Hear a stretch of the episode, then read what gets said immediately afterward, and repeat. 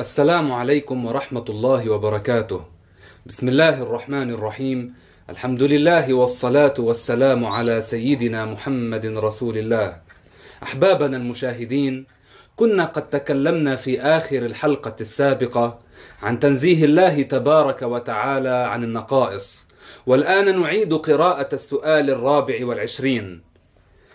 تكلم عن تنزيه الله عن النقائص الله تعالى متصف بكل كمال في حقه وهو منزه عن كل نقص أي ما لا يليق به تعالى كالجهل والعجز والمكان والحيز واللون والحد.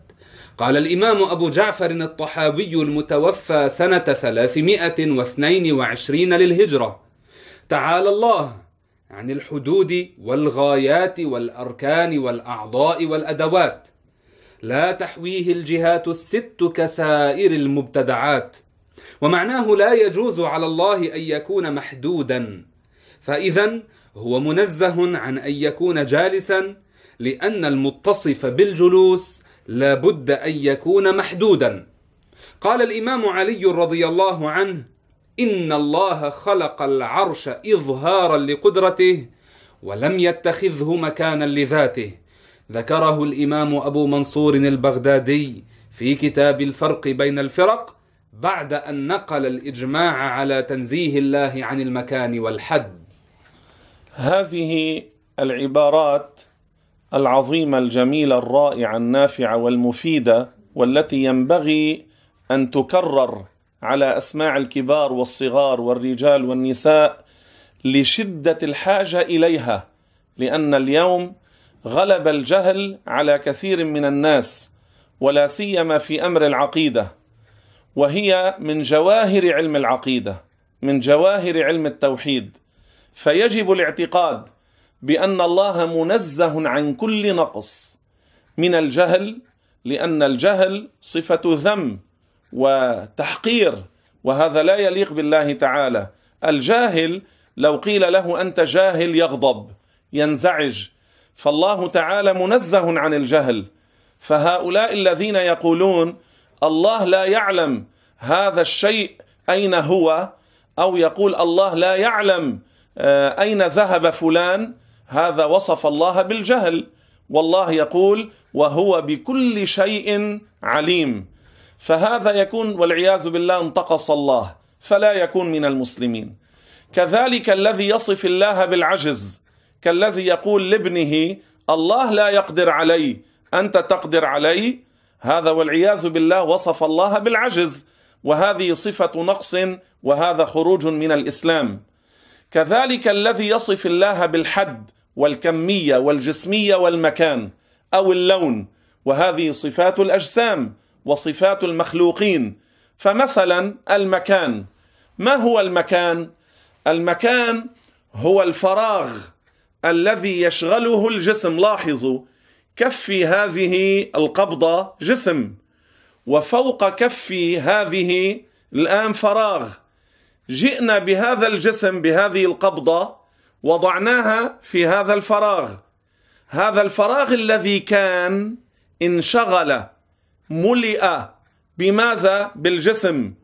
إذا المكان هو الفراغ الذي يشغله الجسم.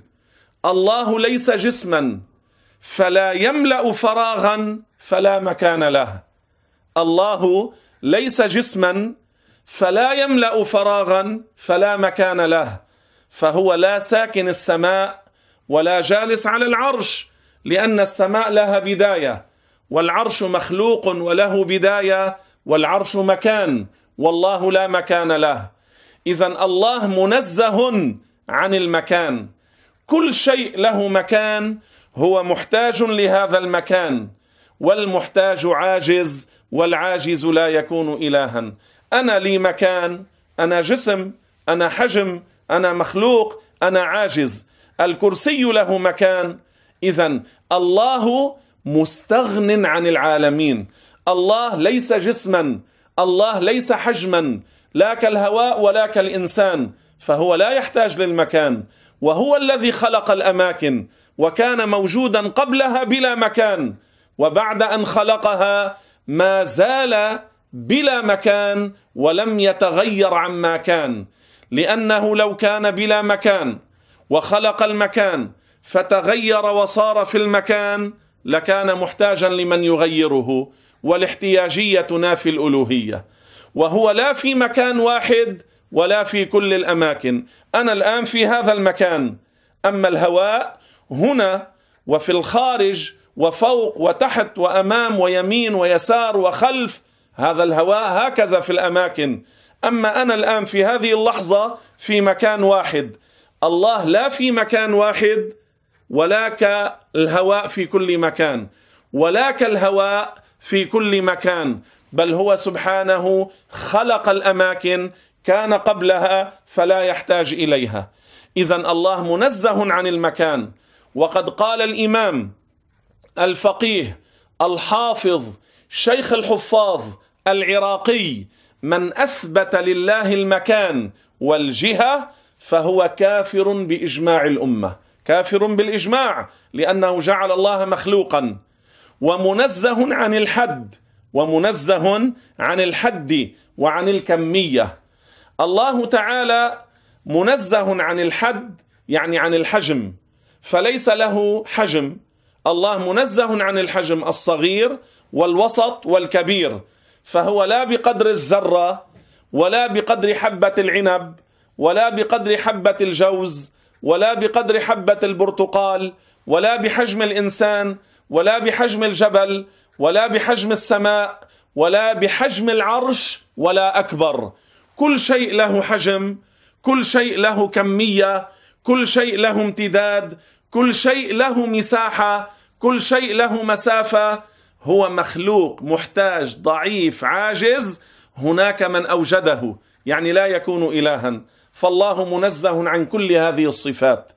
وما معنى لست بمحدود؟ يا الله عندما يقول العلماء الله منزه عن الحد. أو لست بمحدود يعني ليس لك كمية بالمرة.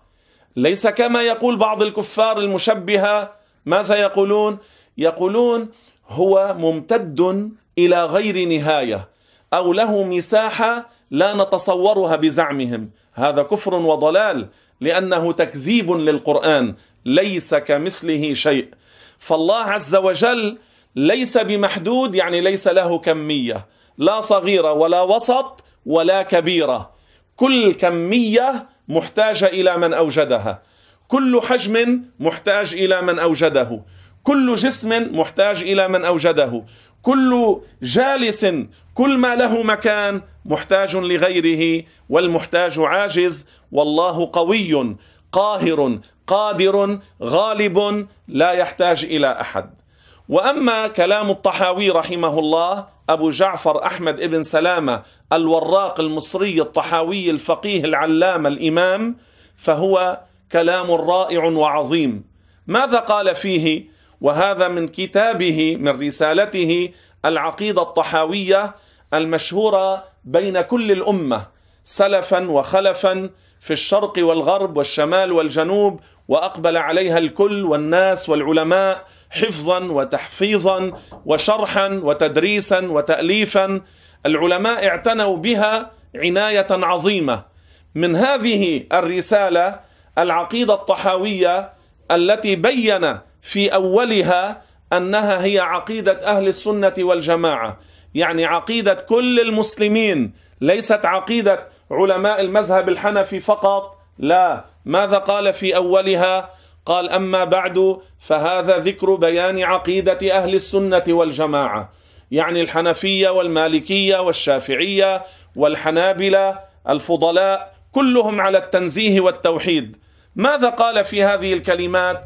وهو كان من علماء السلف مضى عليه أكثر من ألف سنة. ماذا قال في هذه العبارات الجميلة؟ قال تعالى يعني الله تعالى يعني تنزه وتقدس عن الحدود. الحدود معناها النهايات معناها النهايات والغايات. تعالى يعني الله عن الحدود والغايات وعن الأعضاء. الأعضاء يعني الجوارح الكبيرة والأركان يعني الجوانب والأدوات يعني الأجزاء الصغيرة. فالله منزه عن الكمية عن الغايات عن الحدود عن الامتداد عن المساحة عن المسافة عن الأركان والجوانب منزه عن الأعضاء الجوارح الكبيرة والأدوات الجوارح الصغيرة. ثم ماذا قال؟ ومن وصف الله بمعنى من معاني البشر فقد كفر. وبناء على ما قدمه في أول الرسالة الطحاوية يكون هذا القول ومن وصف الله بمعنى من معاني البشر فقد كفر الأمة مجمعة عليه مجمعة عليه. لذلك من قال الله جسم أو قاعد أو جالس أو يسكن السماء أو يقعد على العرش هذا كافر بإجماع الأمة. وهذا من أئمة السلف الإمام الطحاوي من أئمة السلف من علماء السلف. ليس اليوم في عصرنا اذا الله منزه عن كل ذلك. ثم في الجواب الذي مر مر ما قاله سيدنا علي بن أبي طالب رضي الله عنه وأرضاه. هذا الإمام العظيم الذي هو باب مدينة العلم وله أقوال رائعة في التوحيد والعقيدة. قال إن الله تعالى خلق العرش اظهارا لقدرته ولم يتخذه مكانا لذاته. وقال على ما مر في الجواب كان الله ولا مكان وهو الآن على ما عليه كان وله قول آخر وهو سيرجع قوم من هذه الأمة عند اقتراب الساعة كفارا. قال رجل يا أمير المؤمنين كفرهم بماذا؟ أبالإنكار أم بالإحداث؟ قال بل بالإنكار ينكرون خالقهم فيصفونه بالجسم والأعضاء. هذا الذي عليه الصحابة كانوا يكفرون من يعتقد أن الله جسم أو قاعد أو جالس بل هذه مسألة إجماعية كما مر معنا. ثم في قوله رضي الله عنه إن الله خلق العرش إظهارا لقدرته يعني الله ليس جالسا على العرش ليس قاعدا عليه ليس متمكنا عليه ولا في هوائه ولا مساويا له ولا عديلا له لأن الله لا شبيه له بالمرة.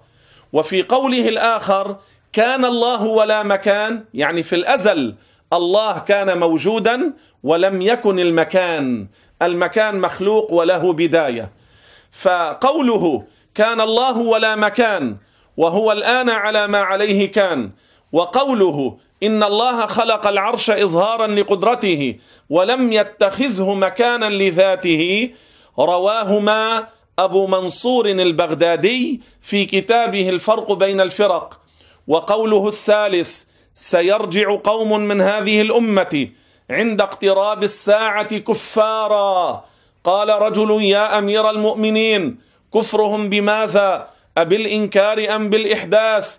قال بل بالإنكار. ينكرون خالقهم فيصفونه بالجسم والأعضاء. هذا رواه عنه ابن المعلم القرشي الفقيه الشافعي في كتابه نجم المهتدي ورجم المعتدي. السؤال الخامس والعشرون ما معنى قوله تعالى ليس كمثله شيء؟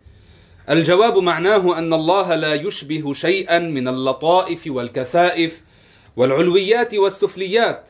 قال تعالى ولم يكن له كفوا أحد. أي لا نظير لله بوجه من الوجوه. قال الإمام ذو النون المصري والإمام أحمد رحمهما الله مهما تصورت ببالك فالله بخلاف ذلك.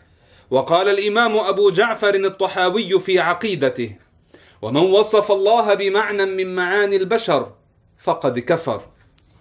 يجب الاعتقاد بأن الله تعالى ليس كشيء من خلقه لا هو من قبيل الأحجام الكثيفة ولا هو من قبيل الأحجام اللطيفة لأنه هو خالق لكل هذا العالم والخالق لا يشبه المخلوق كما قال أبو حنيفة رضي الله عنه وأرضاه أن يعني لا لا يشبه الخالق مخلوقه. لو كان يشبهه لكان مخلوقا مثله ولو كان مخلوقا ما كان خالقا. وبما أن العالم موجود فله خالق فخالقه لا يشبهه. أن يشبه الخالق مخلوقه.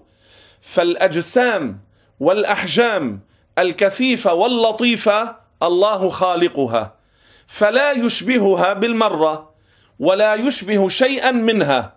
وآية واحدة من القرآن تثبت أن الله هو خالق الأحجام الكثيفة واللطيفة.